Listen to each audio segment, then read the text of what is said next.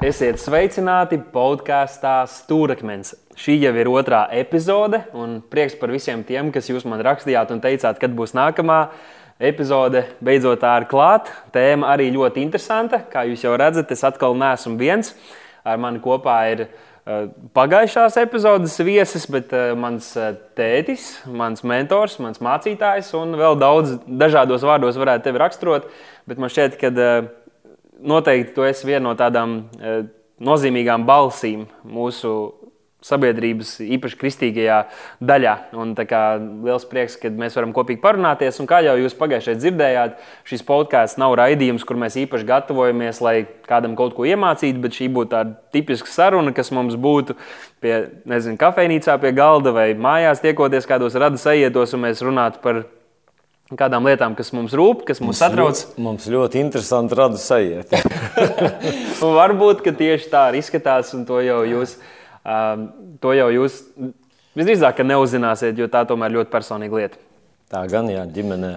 Jā, bet šodien ir ļoti skaista tēma, un tāpat laikā arī dažas nu, lietas, kuras mēs skarsim, kuras varbūt neviennozīmīgi tiek uztvertas sabiedrībā, un cerams, ka mēs visi varam pieiet šīm lietām ar atvērtām sirdīm, ieskatoties tajā, ko Bībele mums māca un cenšoties saprast to kopainu visam tam. Tā kā iesāksim ar lūgšanu, tad ķersimies klāt. Tās mēs pateicamies Tev par šo iespēju pārdomāt tās lietas, kungs, kuras satrauc mūsu līdzcilvēkus, pārdomāt to, ko Tu māci savā vārdā. Tās mēs lūdzam, Svētais Gars, kad Tu dod mums izteikties skaidri, arī skaidri saprast, tēvs, lai viss šis laiks, ko mēs runājam un ko cilvēki klausās savā mājās un mašīnās, tēvs, lai tas viņiem ir par svētību. Mēs lūdzam Jēzus vārdā. Amen. Amen. Vēl pirms mēs sākam, gribēju pateikt, ka mums ir liels prieks dzirdēt no jums, vai tas ir komentāros vai personīgās ziņās. Tāpēc lūdzu, lūdzu ielieciet laiku šim podkāstam, šai epizodei. Piesakojiet, ja esat skatīties YouTube vai Spotify. Un noteikti arī komentāros rakstiet kādus jautājumus vai jūsu domas par šīm tēmām. Būs liels prieks dzirdēt un noteikti atbildēsim. Bet šodienas tēma ir visai aktuāla un svarīga. Un, uh, tur mēs ļoti daudz ko centīsimies iekļaut tajā. Tas ir Izraels, jūdaisms un arī mesijānisms, ah. jeb mesijāns kā kustība. Uh, Nu, mēs jau redzam, ka šeit uz galda mēs uh, esam uzlikuši tādu īpaši skaistu zīmi, Un šī zvaigzne ir Dāvida zvaigzne, tāpēc tā ir īpaši tuva arī manai sirdī. Aha, uh, Varbūt mazliet tad sākumā, kāpēc šis karoks ir uz galda un, un kāpēc šī tēma tavai sirdī ir dārga. Jā. Uh, Izraels tēma tiešām ir nozīmīga man personīgi, un arī es ticu, ka katram kristietim viņa tāda ir. Un šis karodziņš šeit uz galda, viņš nav kā, kā joks, viņš nav kā satīra. Un īpaši es gribētu uzrunāt tos cilvēkus, kuriem mēs nepatīkam, jūs klausāties šo te ar kādu citu motīvu. Lūdzu, neizraujiet teikumu no vidus, lūdzu, nepārprotiet mūs. Mēs izturamies ar dziļu cieņu pret ebreju tautu un pret ebreju valsti, Izraēlu. Un mēs vēlamies vislabākās Dieva svētības, palīdzību, līdzdalību visā tajā Izraels dzīvē, un Izraels valsts un ebreju tautas dzīvē. Bet nu, mēs runājam par tādām, runāsim šodien par tādām nu, ticības lietām. Un tur kādreiz arī nav viss melns un balts, ir kādreiz arī kaut kādi citi viedokļi. Un centīsimies no sirds godīgi uz tiem atbildēt. Un, ja kaut kas mums neizdosies, tad lūdzu nedusmojieties, pameklējiet paši. Un visvairāk es gribu ieteikt, palasiet Bībeli paši. Jo tas, ko teica Dārvids Vilnis, vai tas, ko teica kāds uh, cits cilvēks, ir viena lieta, bet tas, kas ir uzrakstīts, ka jūs tiešām varat teikt, kā Jēzus teica, stāv rakstīts. Jā. Jā, un jāsaka godīgi, ka es vienmēr esmu bijis sajūsmā, kad uh, un, un, un savā ziņā pārsteigts un apbrīnā par to, cik ļoti Izraēla tauta un, un uh, arī šī jūdu kopiena Latvijā ir tavā sirdī, kad mēs esam gājuši gan protestēt un stāvēt kopā ar viņiem. Mēs esam uh, kā draugi iesaistījušies, iesaistījušies dažādās vajadzībās, kas šai kopienai ir bijusi. Liels prieks, ka eh, nu, tagad mēs varam arī par to parunāt, un, un cilvēki varēs dzirdēt eh, mūsu sirdis par visu šo. Eh, iesāksim tad drusku par Izraels lomu ticības kopējā stāstā. Mēs pagājušajā epizodē jau drusku runājām par veco derību un tā tālāk, bet kāda tad ir Izraels tautas, šī zemes loma nu, kristietības vispār ticības stāstā? Nu, tā kā jā, mēs esam kristieši, un, un uh, es esmu kristietis par tevi krietni ilgāk, jā, jo es no bērnības tāds esmu. Un man jāsaka, ka to ir ļoti grūti pārspīlēt. Ja Izraēla tautas, vēstures un zemes lomu. Kāpēc? Un tāpēc, ka viss, ko mēs sākam, un, un nu, manā bērnībā mēs uh, pastiprināti lasījām veco derību, ja? tā ir ebreja bībele visi tie puiši, par kuriem mēs lasām vecajā derībā, teiksim, Daniels. Nu, mums ir arī draudzēji vairāk Danieli, ja? bet uh, kādreiz mēs nu, tā drusku pazaudējam to fokusu. Mums sāk likties, ka tie ir tādi, tādi paši puiši kā mēs ar tevi. Ja? Mm. Daniels, tur, nu, Zadraks, Mezeks, bet Nego, tas kā, tā kā. Un tie pat nebija viņa ebrejiskie vārdi. Bet mēs esam, jā, bet mēs esam pie viņiem tik ļoti pieraduši. Jānis, Pēteris, liekas, ka tur pat kaut kur ir Vilnis, jā, Jēkabs. Mm ka tie ir visi nu, latviešu baleliņi. Jā, un Jēzus, jā, tas vārds Jēzus tik ļoti pierasts, mīļš un tūs. Nu, tā, tā, gandrīz es sāku likties, ka Jēzus bija līdzīgs mums, tāds uh, blonds, jā, simpātisks. Jā, jo mēs abi esam blondīņi. nu, es, es runāju par tādiem gaiš, gaišādainiem jā. Jā, cilvēkiem. Un, tā. un mums sāk likties, ka tas viss ir nu, tāds, nu, ja ne gluži latvisks, nu, tad eiropeisks noteikti. Jā. Līdz ar to es gribu teikt, ka Um, mēs esam milzīgi pateicīgi parādā ebreju tautai, ebreju tautas praviešiem, ebreju tautai, visiem tiem, kas izgāja cauri tai vēsturei un atnesa šo te uh, mesijas uh, apsolījumus, visu veco derību, visu to, kas, kas īstenībā meta milzīgu gaismu uz jauno derību un faktiski nopravieto jauno derību. Mēs esam milzīgi pateicīgi, cieņu, mīlestību parādā ebreju tautai, ja, jo viņi izdarīja fantastisku, milzīgu, smagu, atbildīgu darbu. Protams, mēs zinām, ka Dievs slēdz derību ar Ābrāmu, pēc tam dodot viņam vārdu Abrahāms, un tas ir mūsu ticības tēvs, kur arī sākās Izraēla tauta, bet arī mēs, ticot uz Kristu, pievienojamies šim cilvēkam ticībai. Jā, jā Abraham ticībai. Un tad mēs, protams, zinām arī, ka kristietība, kad tā sākās, tā nesākās kaut kur Romā, tā nesākās kādā citā, nezinu, Āfrikā, bet tā Jā. sākās Izrēlā, sākās Jeruzalemē, kad tur sapulcējās jūdu ticīgie, Jā. kas ticēja uz Kristu. Un par viņiem nāca svētais gars, un pēkšņi bija dzimusi šī dzīvā draudzene, kas sāk izplatīties sākumā Izrēlā, bet tad arī ārpus tām robežām aizsniedzot arī tos cilvēkus, kur nebija jūdi. Jā. Nu, man gribētos, man šķiet, ka ir viens uh, pāns, kas ļoti precīzi to apraksta. Ja, un, uh, ko tas nozīmē? Kāda ir Izraēla tautas vai ebreju tautas? Ja? Man liekas, ka šos vārdus var lietot nu, viens otru aizvieto. Jūdu tauta, ebreju tauta, Izraels. Nu, rekā viņš raksta romiešiem 9,4. Izrēlieši, kam pieder bērnu tiesa, dievišķā godība, derības, bauslība, kalpošana, apsolījumi, tēvi no kuriem arī Kristus cēlies pēc miesas, kas ir Dievs pār visiem, augsti slavēts mūžīgi mūžams. Respektīvi, mēs paņemam kaut kādu apsolījumu, ja teiksim, Filipiešiem 4,19.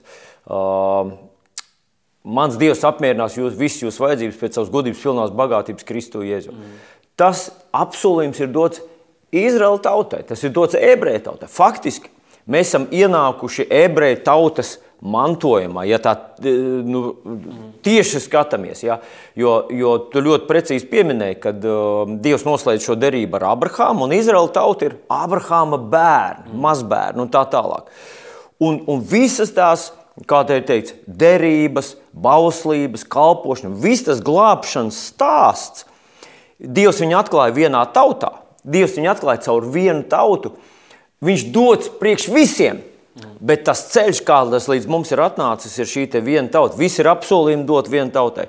Milds. Vienai tautai. Jā, bet, protams, kad eh, jau turpat, jau pašā, pašā sākumā Dievs saka Abrahamam, ka tevī taps svētīts visas zemes tauts. Un viņš runā par mums. Jā, tas pravietis runāja par mums. Jā, bet uh, tas, tas nenol, nemazina to faktu, ja, ka tas ir atnācis līdz mums. Uh, ar vienas tautas rokām, ja tā mēs varam. Jā, ko Dievs izredzēja, un kā jau mēs pagājušajā epizodē runājām, ne Abrahāma taisnības dēļ, bet viņa ticības dēļ, kas Jā. arī parādīja šo kontrastu par bauslību un ticību uz, uz, uz Kristus jā, jā. paveikto darbu.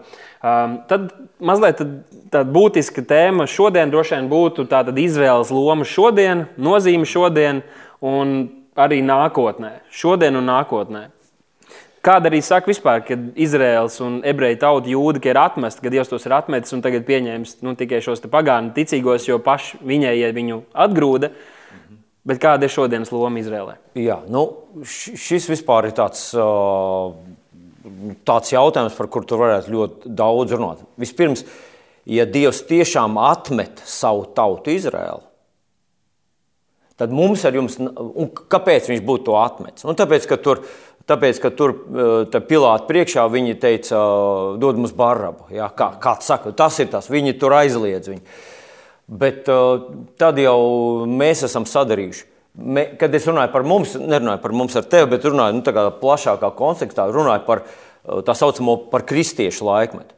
Mēs esam sadarījuši tādus briesmu darbus. Mēs esam izlējuši tik daudz asiņu. Un Pēters arī trīsreiz aizliedz Jēzu, bet, kad Jēzus atnāca atpakaļ, viņš viņam nepārmet un neatmet viņu. Tas kaut Jā. ko vajadzētu tam parādīt. Jā. Uh, bet uh, es, es par to, ja Dievs tiešām zvērēja, ka viņš būs uzticams un pēc tam atmet kaut kādu grēku dēļ, tad mums nav nekādu izredzu. Ja? Draudzēji, es lietoju atkal to plašo to skatījumu, nav nekādu izredzu. Ko mēs esam viduslaikos nogalinājuši patiesus Dievu meklētājus, patiesus Kristus meklētājus, patiesus Kristus lieciniekus, patiesus cilvēkus, kurus svētais gars vadīja, kas sludināja patiesu īstu dzīvu evaņģēlīju. Baznīca pati viņus nogalināja, dedzināja uz sārtiem, un, un, un mocīja, slīcināja, un ko visu nedarīja. Cik daudz ir nogalinātu ebreju tautas cilvēku tikai par to, ka ka viņi nevarēja pieņemt visu šo te uzreiz, un viņiem ar varu uzspied, pazemoja. Nu, avarskot, mēs darījām briesmu darbus.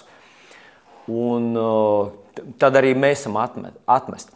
Bet Romiešu vēstulītē 11. nodaļā Pāvils uzdod šo jautājumu. Viņš saka, ja jau, vai Dievs savu, pēc vistājas jautāja, vai Dievs savu tautu ir atmetis, un tad viņš lieto angļu bībelītē, tās, lietos tās vārdiņas, Dievs lai aizliedz. Ja? Un tas ir Tas ir tik stiprs apgalvojums, ka, lai vēl pastiprinātu to apgalvojumu, tad būtu jāsāk lamāties. Jā, bet, bet Pāvils negrib lamāties, Svētais Gars negrib lamāties. Viņš saka, kā tu kaut ko tādu varēji iedomāties, ka Dievs ir atmetis savu tautu? Nu, lūk, Dievs nav atmetis savu tautu. Un, uh, derība vēl aizvien ir spēkā. Derība ir spēkā, jā, derība ir spēkā, un Izraēla tauta ir spēlējusi lomu. Šobrīd viņi ir ļoti, nu, Dievs savu darbu pie viņas un Izraēlā turpina. Un Izraēla tautas loma atkal kļūs ļoti spilgti redzama īpaši pēdējo laiku notikumos, ja pirms mesijas atnākšanas, kad mesija atnāks. Un mēs arī lasām atklāsmes grāmatā par uh, 144 tādiem dedzīgiem, uh, jā, tūkstošiem dedzīgiem ebreju jaunekļiem, ja, kas nav apgānījušies, kas, kas apelsīns Pāvils ir nodevušies tikai tam vienam, lai pasludinātu mesijas vēstu. Viņi ies pa visu pasauli mēs redzēsim, ka Izraēla tautā ir milzīgs potenciāls. Jā, vēl aizvien kalpot mesijam un sludināt viņu vēstu. Un pēdējie būs pirmie. Jā, esat droši. Atkal mēs redzēsim. Jā, un, protams, tie, kas seko līdzi, ir ļoti daudz, nu, neteiksim, ka ļoti daudz, bet ir daudz organizācijas, kalpošanas, draudzes kustības, kuras ļoti aktīvi iesaistās tajā, lai aizsniegtu tieši Izrēlā dzīvojošos ebrejus un arī ārpus tā dzīvojošos jūdus. Un, un jāsaka, ka no viņiem var dzirdēt liecības par to, ka ir sācies kaut kas iepriekš neiedomājams, ka ir ļoti daudz nu, jūdi, kuri nāk pie atziņas, ka Mēsija ir atnācis un viņš atnāks arī otro reizi. Viņi atzīst Kristu. Un tā kā notiek lielas garīgas nu, kustības, kuras varbūt šeit Latvijā sēžot, neviens nepamana, bet kaut kas mainās. Tas var liecināt par to, ka mēs dzīvojam pēdējos laikos. Jā. Jā, absolūti. Bet man gribētos vēl pie, piemetināt pie tā jau sacītā, ka viena no pazīmēm vai viena no lietām, ko Jēzus vērš mūsu uzmanību uz ebreju tautu, viņš runā par to, ka tā ir tā tāds. Nu, tā kā tāds pulkstenis, ja mēs skatāmies uz to, kas notiek Izrēlā, un tas ir kā pulkstenis, kas mums rāda kaut kādas laika, laika tendences. Un viena no tādām raksturvietiņām ir Mateja Evanģelijā 24. nodaļā, kur Jēzus saka tādus vārdus: mācieties līdzību no vīģes koka. Un Bībeles pētnieki apgalvo, ka, nu, ka tā ir runa par ebreju tautu. Ja. Un viņš saka, kad viņa zaros jau pumpuri metas un lapas plaukst, tad jūs zināt, ka vasara ir tuvu klāt. Tātad vienu laiku nebija nekādas dzīvības vīģes kokā, bet tad parādījās dzīvība. Un visi Bībeles pētnieki ir viens prāts, ka viņš runā par Izraels valsts atjaunošanos, Izraels valsts atzimšanu 1948. gadā, kad par spīti visam tam, visiem milzīgiem pretiniekiem, kas gribēja to ierobežot, brīnumainā veidā Izraels valsts pēc holokausta atzima un pēkšņi visas pasaules ebrejiem bija vieta, kur viņi varēja būt drošībā. atkal drošībā, savā zemē, piekopt savu ticību un kalpot savam dievam. Un tā un no 48. gada Izraels valsts ir plaukus, plaukus, plaukus un plaukus. Nu, par pēdējiem laikiem varbūt mēs kādā citā raidījumā varam tā ļoti, ļoti dziļi. Es zinu, ka eh, tev ir diezgan, diezgan ieskats šajās, šajās tēmās, bet fakts, ka mēs saprotam, ka šodien ir ļoti liela loma Izrēlē vēl aizvien. Eh, mēs redzam, ka Un tur būs. ir daudz notikumu, ka tā Jā. loma būs, jo arī pašā stāsta beigās mēs redzam, ka viss galvenie notikumi ir, tieši ap Izraēlu, ap Jeruzalemi. Ir kari, kas tur notiek, arī Jēzus Kristus otrā atnākšana notiek tieši tur. Jā, ne Romā. Viņš un, nebrauks apskatīt Vatikānu. Jā, viņš... Tas ir pavisam skaidrs, kad, ka Iz, Izraels loma ir, ir būtiska, un starp citu, tas ir viens no dieva eksistences pierādījumiem. Kāds teica, ja tev vajag dieva eksistences pierādījumus, pasties uz Izraelu. Izraela vēl aizvien pastāv, lai gan ir Tieši tūkstošiem tā. gadu bijuši, kad ir dažādi dažādas lielvaras un spēki cenšies iznīcināt šo tautu, vēl aizvien tā stāv un stāvēs līdz pat galam. Amen. Uh, nu, lūk, tad jautājums varbūt tad ir par kristiešu attieksmi pret uh, Izrēlu un arī pret jūdu kultūru, bet vairāk tieši pret Izrēlu. Uh, tu esi rādījis piemēru tam, kādai būtu jābūt kristiešu attieksmei pret, pret Izrēlu. Nu, varbūt man sanāks atkārtoties vēlreiz. Ja? ka normāls, veselīgs, bībeli cienošs un lasošs kristietis izturās ar cieņu un bijību pret izra Dieva izredzēto tautu Izraēlu. Izraēla tauta, ebreju tauta vēl ar vienu ir Dieva izredzētā tauta, par spīti tam vienalga, ko jums saka cilvēki. Jeremija grāmatā 31. nodaļā pravietis saka tādus vārdus. Viņš citē uh, vārdus no, no tā kunga mutes. Viņš saka, kamēr jūs redzat mēnesi un zvaigznes, kamēr saule ir pie debesīm, ebreju tauta ir Dieva izredzētā tauta. Un līdz ar to tas nozīmē, ka viņi ir sava īpaša misija. Uh, uh, vai es cenšos pateikt, ka viņi ir labāki, ka viņi ir supertauta un vispārējās ir noniecināts? Nu, Bībelē mēs neko tādu neredzam, ka Dievs paceļ vienu cilvēku pār otram. Bet tajā pašā laikā gribu teikt, ka Izraēla tautai ir īpaša misija, īpašs status. Un Dieva sirdī viņi ir ļoti mīļi un tuvi. Un tāpēc katram, kurš mīl Dievu, ja, viņš mīlēs arī Dieva tautu, Izraēla tautu. Un, ja mēs skatāmies uz Joēla grāmatu, kur runā par pēdējo laiku notikumiem, tad Joēls saka, ka pašā laiku beigās Dievs tiesās tautas pēc viņu attieksmes pret Izraēlu tautu. Un, un tas nozīmē tikai to, ka uh, ir ļoti no svara to, kā mēs pret Izraēlu tautu attiecamies. Nu, un vēl viena rakstvietiņa, kuru gribu atgādināt, ir 1. mūža grāmata, 12. nodaļa, ja nemaldos, 2. un 3. pāns, kur Dievs saka Abrahamam, es svētīšu tos, kas tevi svētī, un nolādēšu tos, kas tevi nolāda. Jā. Jā. Tas nozīmē, ja manā sirdī un manā attieksme pret Dievu tautu ir tāda nicinoša, tiesājoša, ko viņi tie ebreji, tie šitādi un tādi tad es to pašu dabūnu atpakaļ no Dieva. Un, ziniet, tas paradoks brīžiem ir tas, ka kristietis, kurš ir atnācis pie Kristus, un saka, Dievs mani mīl, jā, Dievs mani mīl, tā, kāpēc Dievs tevi mīl? Nu, tāpēc, ka Dievs mani mīl, jā, es neesmu to nopelnījis, to Dieva mīlestību. Un tad tu parunā ar viņu un, un sadzirdi, ka viņai ir tāda ļoti negatīva, ļoti naidīga attieksme pret Dieva tautu pret Izraēlu. Mm. Un tu saproti, ka viņš ir nostādījis sevi tādā absolūti neapskaužamā stāvoklī, ka Dievs ir solījis, ka viņš svētīs tos, kas svētī Izraēlu. Uh, un solījis, ka viņš nolādēs tos, kas nolādē Izraēlu. Un cilvēks it kā ir zem svētība lietasarga, bet reizē viņš liek iedarbināt Dievam šo lielo nu, tādu nenovēršamo likumu. Ja, ticība, ticība Bībeles dievam un tajā pašā laikā viņa tautas nicināšana. Uh, Neatkarīgi no tā, vai viņi atrodas Izrēlā vai pat mūsu vidū, kaut kur mēs kaimiņos mums dzīvo tam līdzīgi jūdi, ebreji, uh, izturēties negatīvi, izrādīt antisemītiskas kaut kādas pazīmes, komentārus izteikt. Tas, uh, Mēs nesakām, ka eh, gluži kā latvieši, nevi, viņi droši vien visi nav eņģeļi, bet izturēties šādi negatīvi un nes šo antisemītismu garu, kurš ir ļoti izplatīts eh, vēl aizvien sabiedrībā. Un jāsaka, ka pēdējos gados eh, statistikas uzrāda, ka pasaulē antisemītismu rādītāji, kur ir vardarbība pret ebreju tautu, kaut vai Ņujorkā un citviet, kur līdz šim viņi dzīvojuši mierīgi, pieaug. Tā arī ir viena no pēdējo laiku pazīmēm. Te vēl pievienojot vienu raksturvietu, Romiešiem 15, 27. Tur Pāvils saka, ka šai te, uh, kristiešu kopienai viņš raksta citas tautas. Tātad, uh, runājot par tām, kuras nav jūdi, ir kļuvušas to līdzdalībnieces garīgās lietās, tad jūdu tautas līdzdalībnieces garīgās lietās. Tātad tie, tas, ko tu teici, apsolījumi, ko Dievs deva Izraēla tautai, viņi ir kļuvuši par līdzdalībniekiem. Viņš saka, viņām šīm citautiešu draudzēm un tautām savukārt nākas kalpot tiem laicīgajās. Nozīmē, ka ka mums jābūt pateicīgiem par to, bet mums ir jābūt gataviem kalpot. Un mēs to esam darījuši, gan sludinot evaņģēlīju, gan arī e, līdzdarbojoties un palīdzot šai. Un es zinu, ka e, šodien mums nebūs par to daudz laika runāt, bet mūsu draugs arī ilgtermiņā teiksim, tas redzējums ir, ka pēdējo laiku notikumos mēs arī savu lomu spēlēsim. Jā. Jā. Nu, es nezinu, to aizskāru veselu tādu milzīgu klāstu. Un tas viens ir evaņģēlijs un Izraela tauta. Mm. Un, un ko man vēl gribētos pieskarties, ka runājot par šo cieņu un mīlestību, Mēs kādreiz nu, varam iebraukt grāvī. Katram ceļam ir divi grāvi, un to mums dažreiz vajadzētu atcerēties.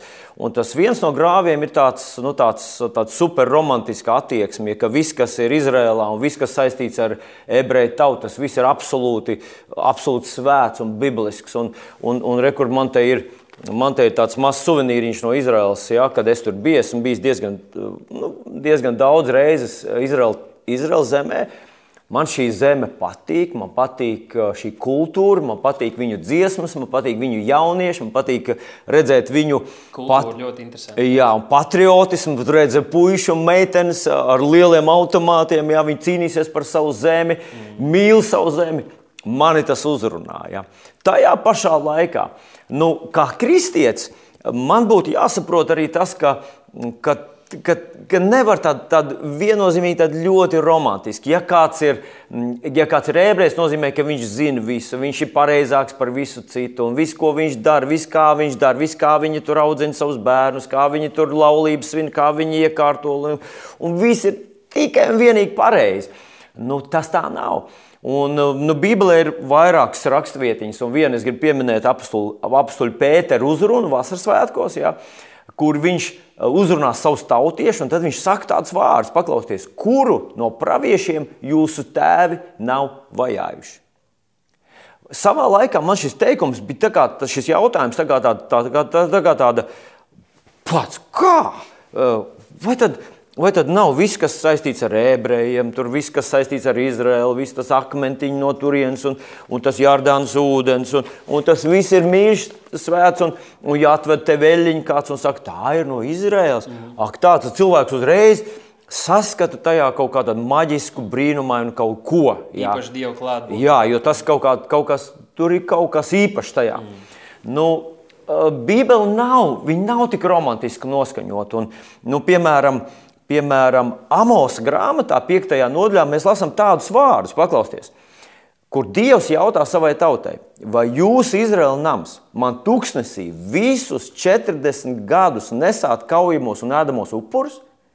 Vai jūs tiešām man kalpojat tos 40 gadus tūkstnesī? Man bija tāds sajūta, ka tas ir tas, ko viņi tur darīja. Viņi tur 40 gadus staigāja mūzus, tur ārons, tur visas tās, nu, tā, tā, tās brīnumainās mākonis virs galvas pa dienu, naktī uguns taps. Viņi vienā bija eiforijā, tā Dieva priekšā.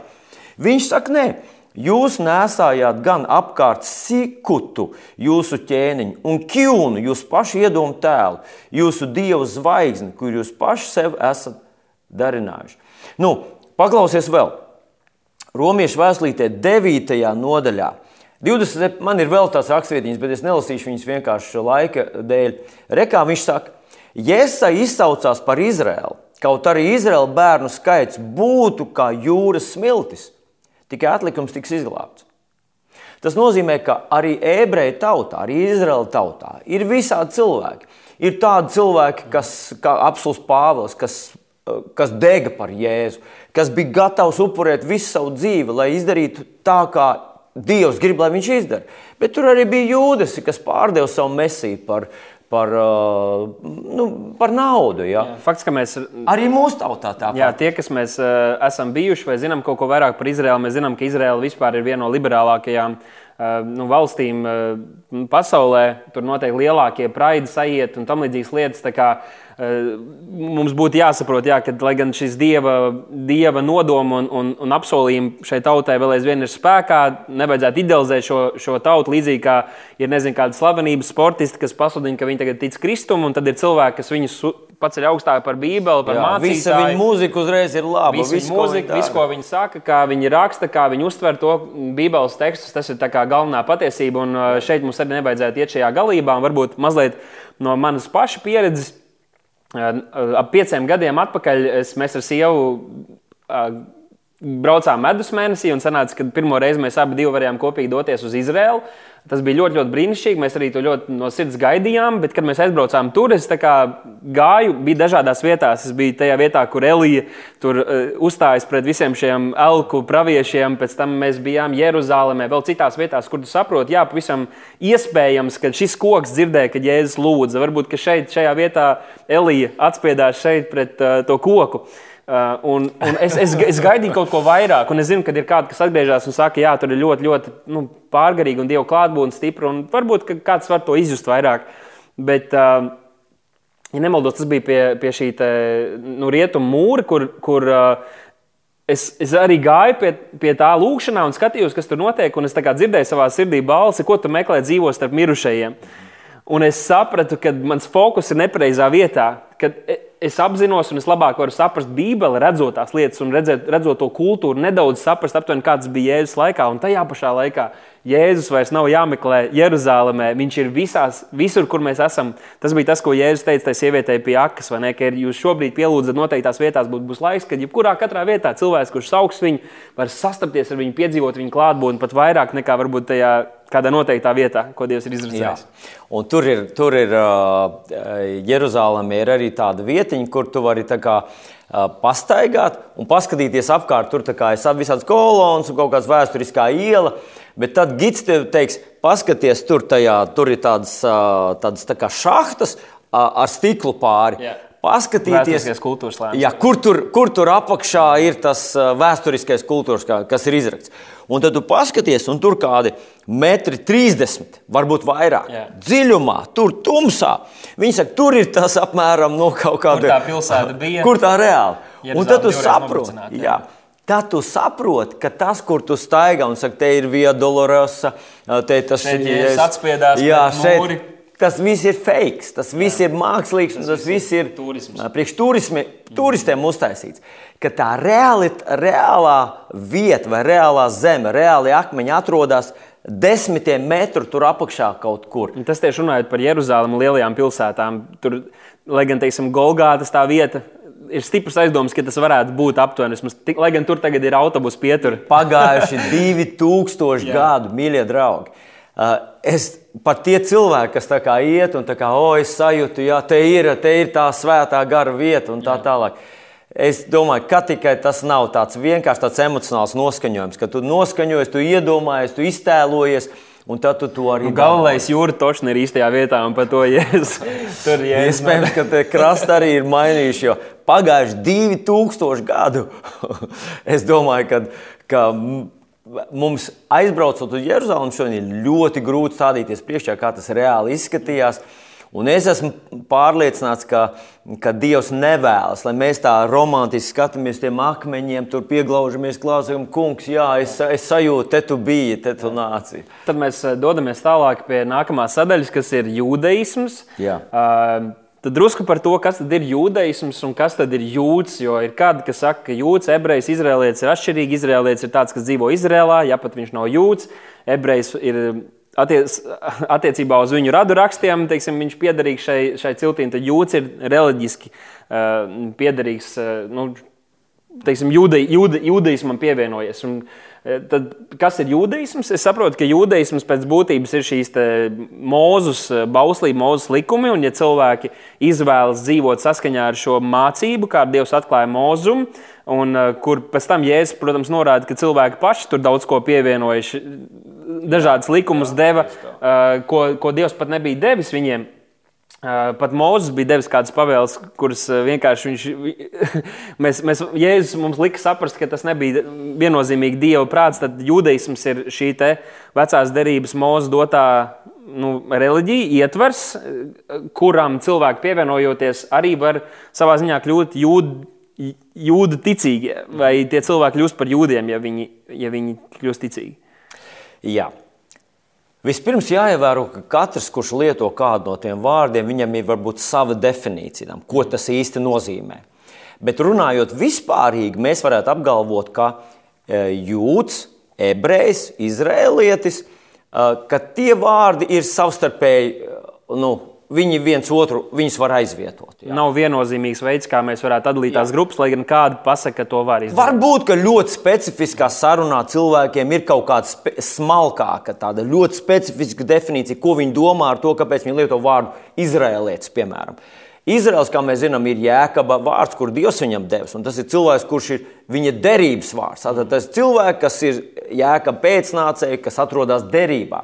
Tad iespējams, ka katrā īpašajā gadījumā cilvēks akcentē kaut ko īpašu, bet tādās lielos vilcienos uh, viņš runā par uh, Abrahāma fiziskajiem pēcnācējiem, un uh, tātad tie ir savā starpā nu, viens otru aizvietojoši vārdi.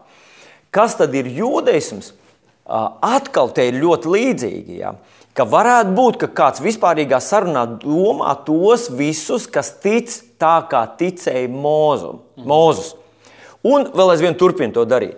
Bet, ja mēs lasām mūža bauslību, mēs konstatēsim, ka visa mūža likuma, visas tās sistēmas, ir centrētas ap templi. Templī ir viss kulminācija. Uz templi ir jāsanāk divreiz gadā. Tur notiek tā salīdzināšana, tur tiek kauts tas upurs, un tur ir ļoti smalki aprakstīts, kas jādara ar, ar, ar taukiem, kur kas jāizlai, kā tas viss jādedzina un tā tālāk. Kurš ko dara, viss tas sadalījums. Tempļa vairs nav. 70. gadā, mūsu ēra 70. gadā, Jeruzalem tika nojaukta un templis tika iznīcināts. Tempļa vairs nav. Līdz ar to mēs nevaram teikt, ka tas jūdeisms, kas bija Mūzus laikā, ka tas ir tas pats.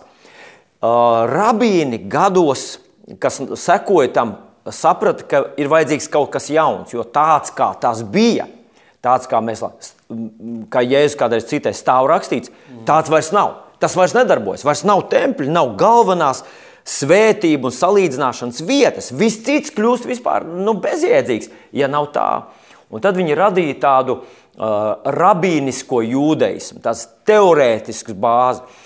Un zinat, ko ar to? Ar to un, kad tur uh, izsecina kaut ko no šī, tad tad uh, izdara kaut kādu secinājumu, uz šās secinājuma balsts nākošos apsvērums, un tā tu vari sabūvēt tādas milzīgas tādas teorētiskas konstrukcijas, kuras mēs zinām, ka, teiksim, nu, ja jūs kādreiz palasat kaut kādu filozofu, jūs palasat, viņu vispār nesaprotat, ko viņš, kā viņš pie tāda secinājuma ir nonācis. Bet cilvēks lēnītēm būvē to savu sistēmu un var nonākt pie da jebkā. Un, kā mēs zinām, viens no tādiem ir bijis uh, Darvins, kurš paskatījās uz vienu putniņu, otru putniņu, trešo putniņu, un lēnītēm attīstīja sistēmu, kurai visa pasaule šodien tic, kas ir absolūti aplam un nepierādīta. Tā nav pamatojuma, tā ir viena no tādām nu, teorijām. Mm. Nu, lūk, tad šodien mēs varētu teikt, ka, kad cilvēks saka, ka viņš e, ir jūdaismā, Nevar īsti saprast, ko viņš ar to grib teikt. Jo tas noteikti nav tas jūdaisms, kāds tika dzīvots pat Jēzus laikā, un jau tajā laikā, cik es saprotu, ja es nemotu, var man pa, pa, palabot, jau Jēzus laikā jūdaisms. Kurš tajā laikā pat tā netika definēts, jo mēs redzam, bija dažādas sektas, bija saduķēji, farizēji, vēl citas, kur, Šodien ir vēl vairāk. Kur Tieši katrs tāpat, izprata to daudz citādāk, teiksim, tās pavēles, kādas man vecajā darbā Dievs bija devis mūzumu un kā bija jādzīvo. Ļoti pareizi. Tu saki, tas ir pavisam kaut kas cits. Un tas ir, ja Jēzus mēs skatāmies, ka Jēzus runāt, viņš vienmēr saka, stāv rakstīts. Mm. Un arī visur, kur apstuļi at, ir, ir kaut kāds atsaucis uz veco darību. Mēs vienmēr varam atrast konkrēto pravietu un konkrēto vietu, kur tas ir melns uz baltu uzrakstīts.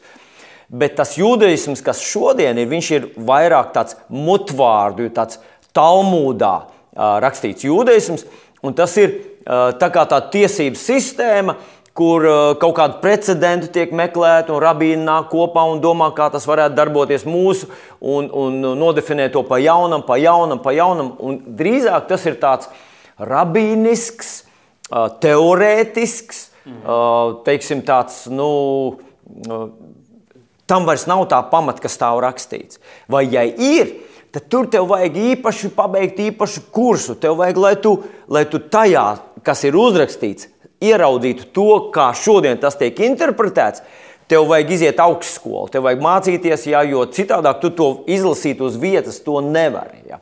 Un tāpēc uh, es uzdrošinos apgalvot, ka uh, tā kā mēs ticam, ka bauslības gals ir Kristus, jā, apelsīns Pāvils, viens no vislabāk izglītotajiem jūdaismā, rabīniem, viņš mums saka, ka bauslība valdīja līdz Jānim, kopš Jāņa uh, ir sākusies Dieva valstība. Un katrs uh, caur laužas Kristu jā, laužas tajā vai pie, pieliek savu piepūli, lai tajā tiktu iekšā, uh, ka tā ir pareizā pieeja.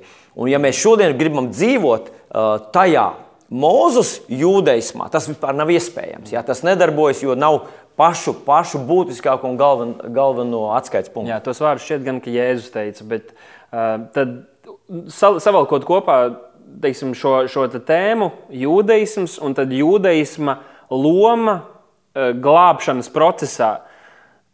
Laikam jau, ka tiem, kas paklausījās, par ko mēs esam runājuši, tur nav divi jautājumi, bet skaidrs ir tas, ka cilvēkam, kurš pēc uh, savas būtības nav jūts vai nav iesaistījies jūdaismu šajā reliģijā, viņam nav jāspēr kā viena no soļiem, kā jākļūst par jūdu, jāpadodas jūdaismu mācībai, lai viņš varētu tikt glābts. Mhm. Uh, tas, tas, tas būtu pilnīgi aplamts. Apstākļu darba 15. nodaļā mēs lasām 5. Uh, pantā, kur daži no farizējiem, kas nu, mūsdienīgi mēs tos varētu nosaukt par, uh, par, par nu, jūdaismu mācītājiem. Varbūt. Eh, kas bija kļuvuši ticīgi. Tātad viņi bija, nu, mūsdienās mēs teiktu, mesijāniskie jūdi. Nu, viņi saka, ka eh, šos pagānu vai nebreju ticīgos vajadzētu apgraizīt un pavēlēt tiem turēt mūzes bauslību, kas tad būtu šis jā, te.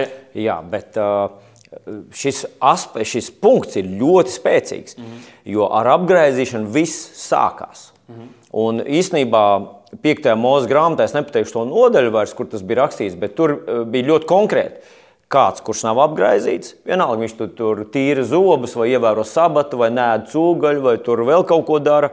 E, Dievs saka, viņš ir izsvītros no manas tautas vidus. Jā. Un desmitajā pantā apstults saka, ko jūs tagad dievu kārdināt uz mācekļu kakla, likdami jūgu, ko ne mūsu tēvi, ne mēs nespējām panest. Pēc tam vēlāk, 28. pantā, viņš saka, jo svētajam garam un mums ir paticis jums neuzlikt nekādu citu nastu, kā vien šo nepieciešamo sargāties no elku upuriem, asinīm, nož, asinīm nožņauktā un netiklības. Un, uh, no tā sargādamies, jūs labi darīsiet, dzīvojiet veseli.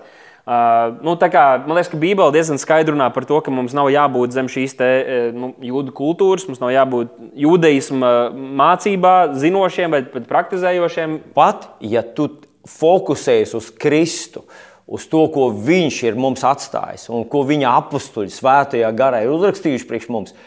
Dzīve ir ļoti īsa un cilvēka laika ir tik maz, lai tu spētu paņemt un adaptēt un uzaudzināt savā dvēselē visas tās sēklas, kas tur ir un tev ir vajadzīgs veselīgai kristiešu dzīvei. Tāpēc vienkārši tā teorētiski bradāt apkārt un, un, un meklēt kaut kādus tādus nu, teorētiskas konstrukcijas un meklēt tajā visā tajā milzīgajā sēnela kaudzē kādu graudu. Manuprāt, tas cilvēks vienkārši neracionāli izmanto savu dzīvi. Nu jā, ir kādi, protams, kas saka, ka eh, tas padziļina šo, šo ticību, bet par to mēs parunāsim tagad. Ir šī tēma par kristietības saknēm. Uh, par mes, mesijāniskā kustība, kas, protams, sākotnēji iesākās teiksim, ticīgo kopienām, cenšoties aizsniegt viņu zemēs un arī Izrēlā dzīvojošos jūdus un tos pievērst mesijai. Tad mesijam. tagad, mesijam, tad tagad mēs redzam, ka tas varbūt ir drusku pagriezies, pavērties atpakaļ un dažādos nu, apriņķos mēs redzam, ka tie ir jūdi, kuri drīzāk cenšas pievērst kristuma ticīgos jūdeismam. Un, un šādām lietām sakot, ka tā ir pievēršanās saknēm. Draudzes saknes pavisam noteikti ir uh, Izraēla tautā, un jū, jūdi bija tie, kuri sāka vispār šo, un svētais gars tos izraudzīja tur augšstabā, lai nāktu svētais gars pār viņiem, un sākās šī draudzene dzīvā kustība, kas izmainīja pasauli. To mēs, to mēs redzam, un ir draudzes, uh, ir kādas kristiešu kopienas, kuras to atstājuši novārtā. Varbūt kāda tic, ka Izraela ir atmesta, ir kāda, kas vispār ignorē visu to. Un, mēs esam izredzēti, ja mēs tagad esam ieņēmuši. Mēs esam paši svarīgākie, tas ir ļoti egocentriski un sautīgi, bet mēs neesam tādi bijuši. Es atceros, kad es biju pavisam maziņš, mēs vēl tikāmies Vefiņā, un pirms tam mums bija ļoti daudz uh, redzēju Izraels karogu, uh, tūts sludināja par Izraelu. Uh, protams, tas jāvēl kopā ar to, ka arī Latvijā, nu vēl aizvien, bet arī tajā laikā ļoti stiprs antisemītisms. Atceros, pirms kādiem gadiem mums draudzē bija arī Izraels dienas. Un eh, tad es ieliku, tas bija draugiem LV vai tam līdzīgi, es ieliku rakstu, kur bija eh, Izraels karogs, un es mīlu Izraels pierakstīju ar, ar šo karogu. Un bija tik daudz cilvēku, kur nebija man draugu lokā, kuri tik briesmīgos vārdos saukāja mani, bet arī rakstīja, ko vajadzētu nodarīt tiem cilvēkiem. Man šķiet, ja policija būtu izlasījusi to un būtu gatava kaut ko darīt, tad tur būtu ļoti daudziem jā, jāsēž cietumā par tādām briesmīgām lietām, ko viņi darīja. Eh, un, un tāda tā problēma ir liela sabiedrībā, bet arī daļai iespējams kristiet, kristietībā. Bet tu biji viens no tiem, kurš Latvijā uzņēmies šo lomu, atgādināt par saknēm, atgādināt par Izraēlu, svētīt Izraēlu, kas iepriekš varbūt bija kaut kas svešs kristīgajā sabiedrībā. No kurienes tas nāk un pastāst par mūsu draugu šo ebrejisko vēsturi, jo zin, tie, kas zina mūs ilgāk, zina, ka mums arī ļoti patīk visāds ebreju dejas dejot, kas un, un, un, tam līdzīgas lietas, eh, kas, kas, kas atgādina varbūt mazliet no šī judaisma kultūras, bet ar kādu, ar kādu nolūku tas bija un, un jā, kādas, kādas mūsu sirdī un mūsu draudzē ir izskatījies šajos gados. Nu, mūsu draudzē ir redzējums, viņš ir no Iesaistas 49. Eh, nodaļas 6. pāns. Un tur ir arī pieminēts, ka tas ir par maz, ka tu esi mans kalps, lai atvestu atpakaļ izglābtos Izraēlu bērnus. Uh, Dievs ir ielicis tajā mūsu sirdī un mūsu redzējumā to, ka Dieva tauta, Izraels, ka tā ir nozīmīga arī mūsu dienās. Un ir ļoti svarīgi, lai mēs, kristieši, nepazaudējam šo fokusu un šo, šo saikni ar saknēm, ar, ar ebreju tautu. Mm. Un tas ir tas, ko mēs esam centušies darīt. Brīžiem esam jutuši stiprāk, tad svētā gara pamudinājumu uz to, un tad esam likuši lielāku akcentu. Uh, Uh, mums ir arī Bībeles skolā ir viena diena, kad mēs runājam tieši par Izraēlas tautas lomu un nozīmi. Virsraksts tieši tā ir Izraels.